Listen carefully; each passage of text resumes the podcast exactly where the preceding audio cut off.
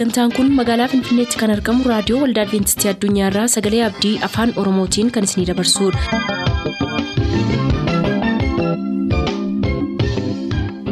jaalala gammachuu eebba waaqayyoo kan isiniif hawwinu kabajamtoota dhaggeeffattoota keenyaa attam jirtu sagantaa isin eebbisuu jennee hundaa qabannee dhiyaanneerra amma xumuraatti nu waliin tura sagantaa ilaa filaameedhaan sagantaa keenya jalqabna.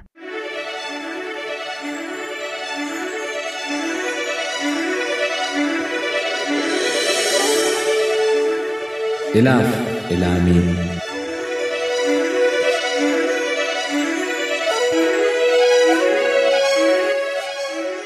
nagaan keenya jaalalaaf kan kabajaa bakka jirtan maratti isin haa qaqqabu akkam jirtu kabajamoof jaallatamoo dhaggeeffatoota keenyaa kun qophii ilaaf ilaameeti qophii ilaaf ilaamee keenya keessatti walitti fufiinsaan kitaaba tajaajila fayyisuu isiniif seenessaa turuun keenya kan yaadatamudha.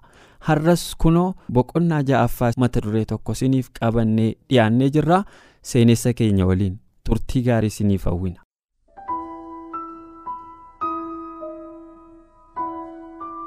tajaajila fayyisuu boqonnaa ja'a tajaajiluuf fayyifamuu.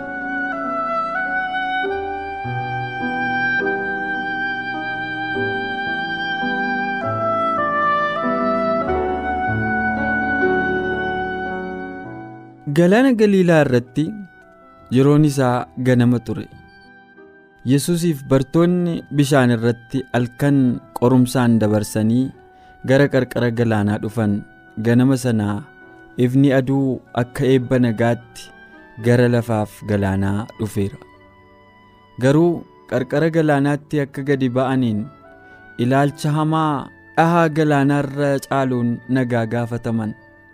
Bakka dhokannaa isaanii iddoo awwaalchaa keessaa maraatonni lama akka waan isaan kukkutuuf jedhanii fakkaatanii gara isaatti fiigan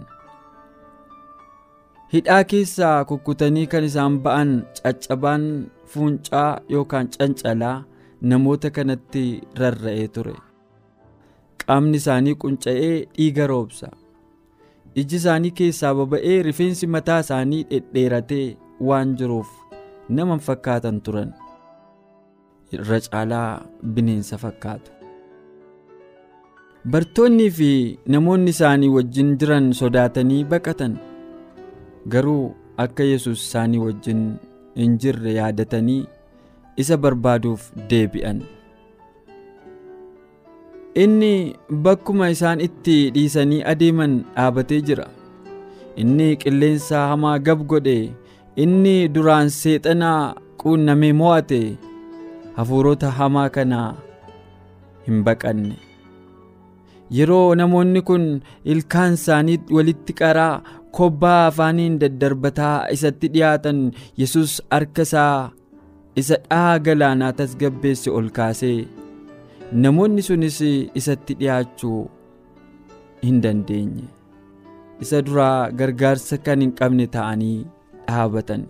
Hafuuronni xuraa'oon akka keessaa ba'aniif humnaan abboome. Namoonni carraan gadheen isaan quunname kun humna seexanaa isaan dhiphisurraa kan isaan fayyisu isaan bira jiraachuu isaa hubatan. Araara isaa kadhachuudhaaf miilla fayyisaa jalatti kukkufan. Garuu yeroo isaan afaan isaanii banatan seexanni maal nutti qabdaa? Maaltus dhimma keenya keessa si buuse? Yaa ilma waaqayyoo yeroo nuti hin gahin nu dhiphisuu dhufteere jedhee iyyee karaa isaanii yaada ofii isaatii dubbatate. Hafuurri xuraa'oon isaaniin gadi dhiisuuf dirqisiifamnaan jijjiiramni dinqisiisaanis warra seexanaan qabaman kana irratti ta'e. Sammuu isaanii keessatti ifatu ba'e iji isaanii in ife. Fuulli isaanii inni gara seexanummaatti jijjiiramee ture in miidhage. Harki isaanii inni dhiiga roobsu in tasgabbaa'e namoonni sagalee isaanii ol fudhatanii waaqayyoon galateeffatan.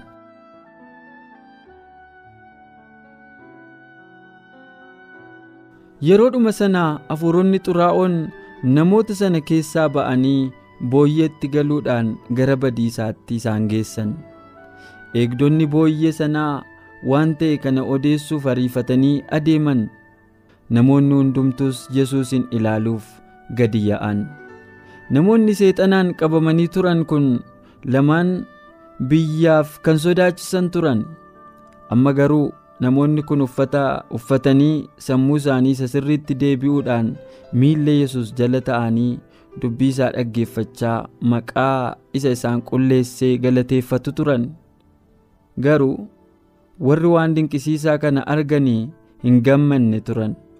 Horiin booyyee sun baduun isaanii fayyuu garboota seexanaa sanarraa caalaa dhabiisa guddaa isaanitti ta'e sodaadhaan gara yesuusitti fiiganii biyya isaanii keessaa akka ba'uuf isa kadhatan.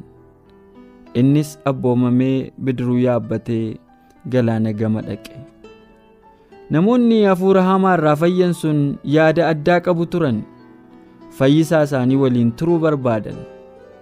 Argama isaa keessatti seexana isa jireenya isaanii dhiphisee fi namummaa isaanii balleesse irraa eegamuuf akka wabii qabaatu isaanitti dhaga'amee yeroo yesus bidiruu seene miilla isaatti maxxananii sagalee isaa dhaga'uuf akka isaaniif ta'utti isa biratti hafuuf kadhatan.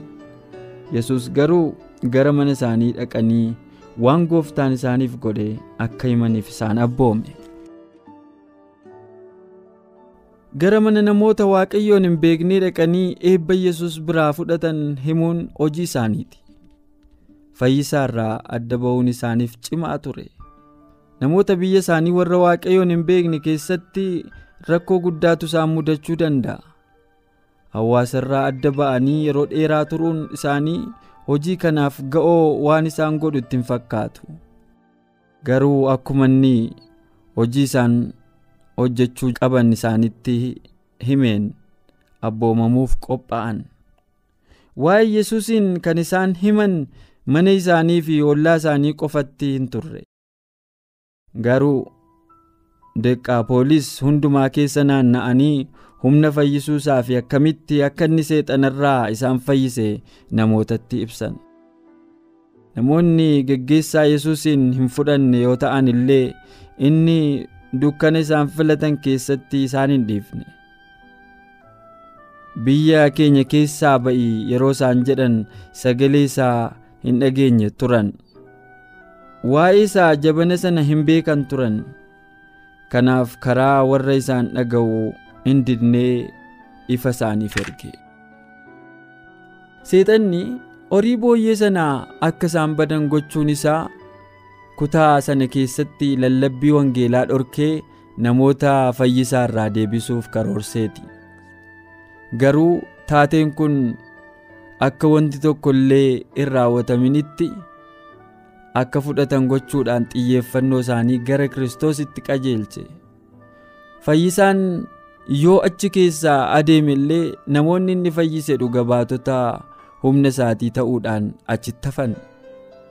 Warri giddu galeessa gooftummaa dukkanaa turan daandii ifaa ergamoota ilma waaqayyoo ta'an. Yesus gara deqaapoolisitti yeroo deebi'e biyyoota naannoo sanaa hundumaa keessaa namoonni kumaatamatti lakka'aman gara isaatti yaa'anii guyyoota sadiif ergaa fayyinaa dhaggeeffatan. Namoonni seexanarraa fayyan kun lamaan ergamoota wangeelaa warra jalqabaa kiristoos gara kutaa deqaapoolisitti erge ta'an. Namoonni kun yeroo gabaabduu qofaaf sagalee isaa dhaga'an. Lallabni afaan isaa keessaa ba'u tokkittiin illee gurra isaanii keessaa hin banne. Akka bartoonni warri guyyaa hundumaa yesus bira turan godhanitti namoonni barsiisuu hin dandeenye. Garuu waa'ee humna fayyisaa waan ofii isaaniitii argan waan dhaga'an waan isaanitti dhaga'ame waan beekan dubbachuu danda'aniiru. Kun namni onneen isaa ayyaana waaqayyootiin tuqame hundumtuu gochuu waan danda'uudha addunyaan dhabdee kan badaa jirtu gooftaan keenya itti nu waamee kan jiru dhuga ba'umsi isa akkasiiti. Wangeelli akka humna jiraataa lubbuu jijjiiruu danda'uutti malee akka ti'oorii lubbuu hin qabneetti dhiyaachuu hin qabu. Waaqayyo namoonni karaa ayyaana waaqayyoo amala kiristoosiin fakkaatu qabaachuu fi jaalala isaa isa guddaa mirkaneeffachuudhaan kan gammadan ta'uu akka danda'an garboonni isaa akka dhugaa ba'an barbaada. Namni kamillee mirga qulqullaa'aa qabu hubatee mucaa dhiiraaf durbaa kan waaqayyoo ta'uusaa beekuudhaan fayyina kan isaa hamma godhatutti dhugaa ba'uun nurraa in eegama. Warra hojiin isaanii baay'ee gaddisiise illee inni akkasumaan isaan simata. Yeroo isaan qalbii jijjiirratan hafuura waaqummaa isaa irraa isaaniif qooda.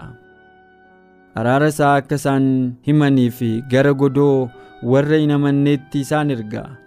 Lubbuun meeshaa seexanaa ta'uudhaan gadi qabamanii turan humna kiristoosiin jijjiiramanii ergamoota qajeelinaa ta'uudhaan waan guddaa gooftaan isaaniif godhee fi o'aa inni isaanitti agarsiise himuuf ergamu.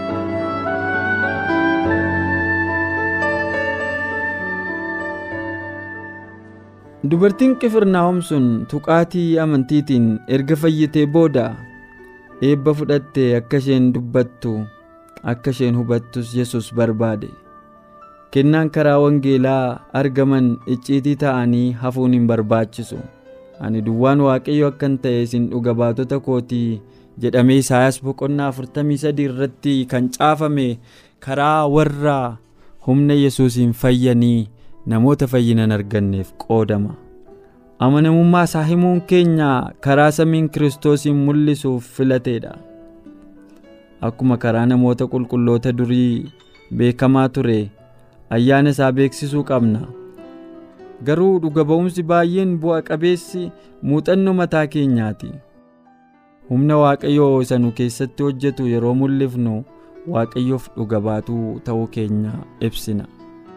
Namni hundumtuu jireenya kan biraa irraa addaaf muuxannoo adda ta'e kan qabaatu jira. Waaqayyoo galatti dhuunfaa keenyaa gara isaatti akka ol ba'u barbaada. Ulfina ayyaana isaatiif galata mul'isuun kun jireenya Kiristoosiin fakkaateen yeroo deggaramu fayyina lubbuutiif kan hojjetu humna mormamuu hin dandeenye of keessaa qabaachuu danda'a. Kennaa Waaqayyo nuuf kenne yaadachuun bu'aa nuuf qaba. Amantiin kan kabajamuuf kan jabaatu eebba dabalataa kan fudhatu karaa kanaanidha. Isa amantii fi muuxannoo namaa kan biraa dubbisuu dandeenyu irra caalaa eebba xiqqoo ofii keenya Waaqayyo biraa fudhannu keessaa jajjabinni jira. Lubbuun ayyaana Waaqayyootiin deebii kennittu akka biqilaa bishaan obaafameeti. Fayyummaan dafee iddootti deebi'a. Ifni isaa dukkana keessatti hin ba'a. Ulfina Waaqayyoos isa irratti hin mul'ata. Wanta gaarii inni anaaf godhe hundumaa fi ani Waaqayyoon maalan deebisa? Ani xoofoo fayyinaaf kenname ol nan fuudha. Maqaa Waaqayyoos nan waammadha. Fuula isaa isa hundumaa duratti ani wareega koo Waaqayyoof nan baasa. Ani jireenya koo guutuu Waaqayyoof nan weeddisa. Hamman jiruttis sagalee mi'aa dhageessisee Waaqayyoon nan faarfadha.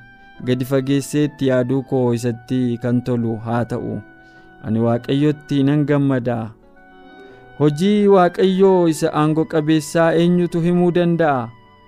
Jajuu isaas hundumaa eenyutu dhageessisa?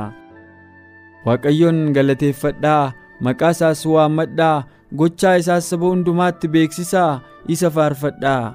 Sagalee mi'a faarfannaatiin isa jajadhaa, waa'ee hojii isaa isa dinqisiisaa hundumaas himaa. Isaan kottaa hidhaa isaanii ofirraa in cabsinaa, funyoo isaaniis ofirraa in darbannaa. Gaarummaa kee argachuun jireenya ani amma jiraadhu irraa in wayyaa. Kanaafis arrabni koo si jajata. Ani hamman jirutti sin galateeffadha. Harka koo ol qabees maqaa kee nan waammadha. Lubbuun koo akka waan ani coomaaf dhuka nyaadheetti in quufti. Afaan koo arraba ililleetiin si jajata. Lafa ciisicha kootti sin yaadadha. Yeroon ilaalaa bulus waa'ee kee nan yaada. ati gargaarsa naaf taateetta gaaddisa bobaa kee jalattis sagalee gammachuu nan dhageessisa. Sodaa malee waaqayyoon amanadhaa. Namni maal na godha danda'a ree? Wanta ani siif wareege anarra jira. Yaa waaqayyo aarsaa galataas siif nan baasa. Fuula kee duras yaa waaqayyo ifa jireenya keessas akka ani deddeebi'utti ati lubbuu koo du'a miilla koos gufuu oolchiteetta yaa waaqayyo gooftaa koo ati abdii kooti ati mucummaa kooti jalqabdee amanannaa kooti yeroo hundumaas sin jajadhaa maqaan kee galataan akka yaadatamu nan godha. Kanaafis namoonni lafarraa yeroo hundumaa bara baraan si jajatu ka jedhu. Macaafa faarfannaa boqonnaa dhibbaaf kudha ja'a boqonnaa dhibbaaf afur dhibbaaf ja'a irratti caafameera. Kun jireenya cubbamaa fayyisuu kiristoos argate keessaan karaa dhuga ba'umsaa addunyaatti kan dubbatamudha.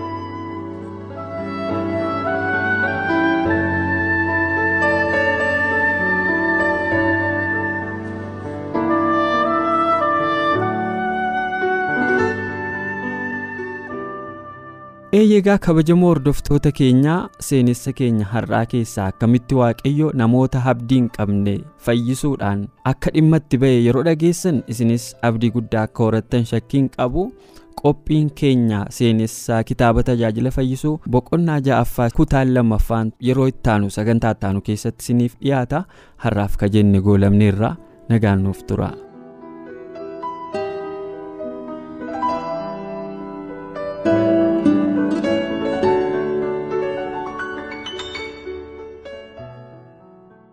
Kan turtanii raadiyoo keessan banattaniif kun raadiyoo waldaa adibeentistii addunyaadha sagalee abdii.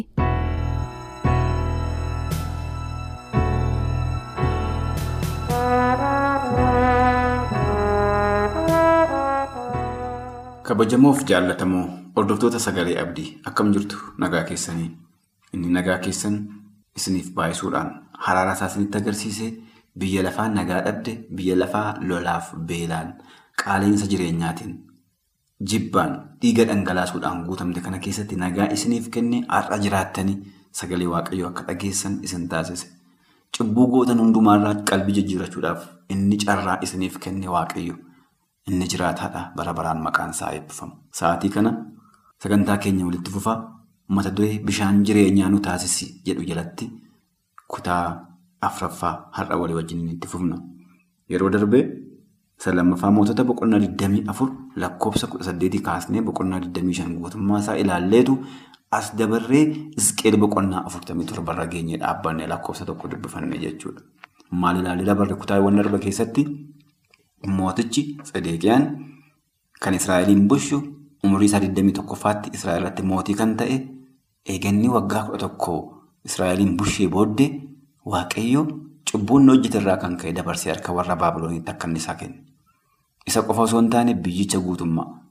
Sun immoo warri Baabiloon yommuu dhufan mandara Yerusaalem mana qulqullummaa dabalate qabeenya isaanii hundumaa akka isaan barbadeessan agarra.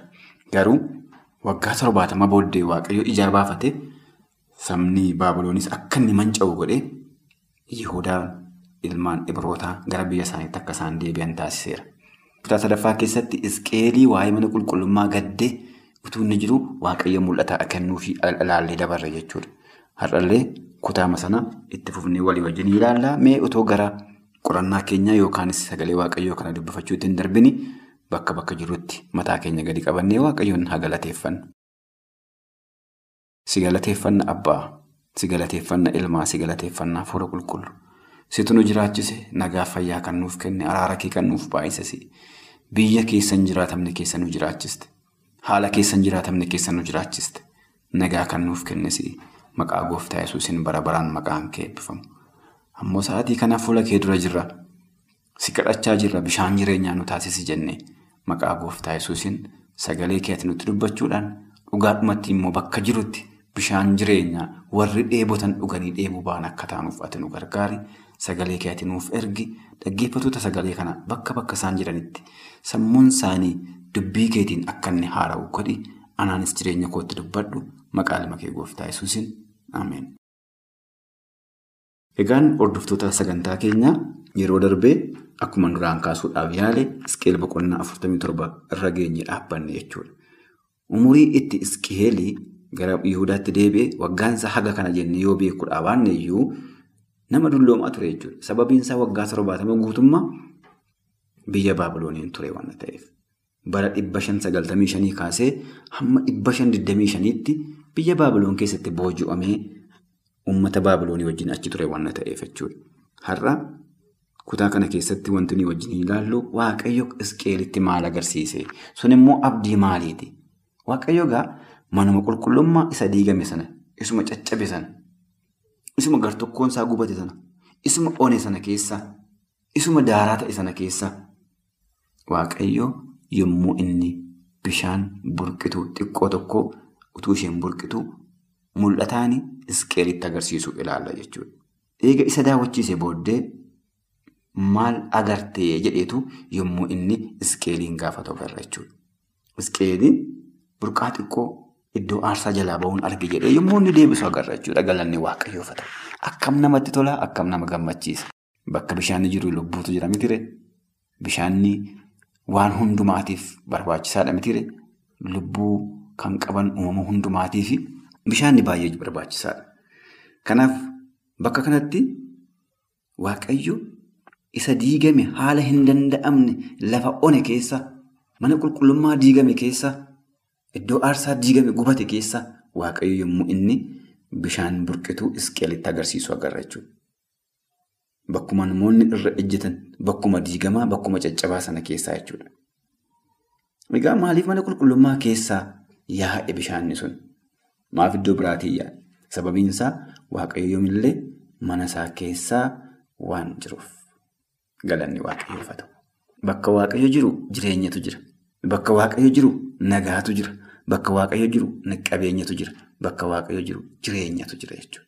Kanaaf mana qulqullummaa isaa keessaa waaqayyo bishaanni utuu inni burqu isqeelitti agarsiisa jechuudha. Bishaanni suni yommuu itti fufnee ilaallu lakkoofsa lamarraa ergasii immoo karaa karra gara bitaa gadi na baasee dugda duubaan gara karra isaa duubaa isaa gara ba'a biiftuutti garagaluutti na geesse bishaanichis karaa gara mirgaa irra alatti iyyaa'a ture. Namichi ulee safaraa isaa of harkaatti qabatee yeroo gara ba'a biiftuutti ba'ee dhundhuma kuma tokko hin safare. Anammoo bishaanicha isa gulubii ga'u sana keessaa na adeemsiseedha. Galanni waaqayyoof haa ta'u. Bishaan yaa'u keessa na adeemsise. Gulubii miila kootii ga'eedha. Iskeel bakka kanatti. Dhundhuma kuma tokko immoo safaree bishaanicha keessa na adeemsise. Bishaanichis jilba hin ga'a ture. Bishaan kun maal ta'aa deemaa jira? Guddataa jira. Burqituu xiqqoo tokko turte. Faana namaa jala kan yaatu. Achi gulubii geesse. Amma immoo gara jilbaatti ga'e jechuudha. Ammas dhundhuma kuma tokko safareetu bishaanicha keessa na adeemsise. Bishaanichis mudhii ga'a ture. Galanni waaqayyoof haa ta'u. Gulubii jilba mudhii jedhee guddachaa adeema jechuudha. Itti dabalees dhundhuma kuma tokko hin safaree bishaanichis ol ka'e. Kan namni daakaadhaan malee ce'uu hin dandeenye waan ta'eef anis keessa adeemee ce'uu hin dandeenye. Haaleluuyaa. Galanni waaqayyoof haa ta'u. Burqaa xiqqoo sanatu amma kan namni daakaadhaan malee ce'uu hin dandeenye ta'e jechuudha.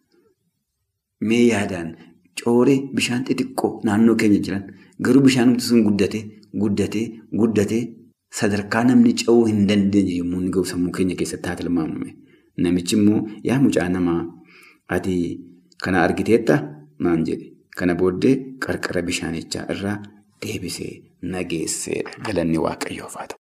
Haguma yaa'u sana hangi isaa dabalaa adeeme jechuudha. Hangi isaa dabalaa adeemu kanammoo safara dhoowwate jechuudha.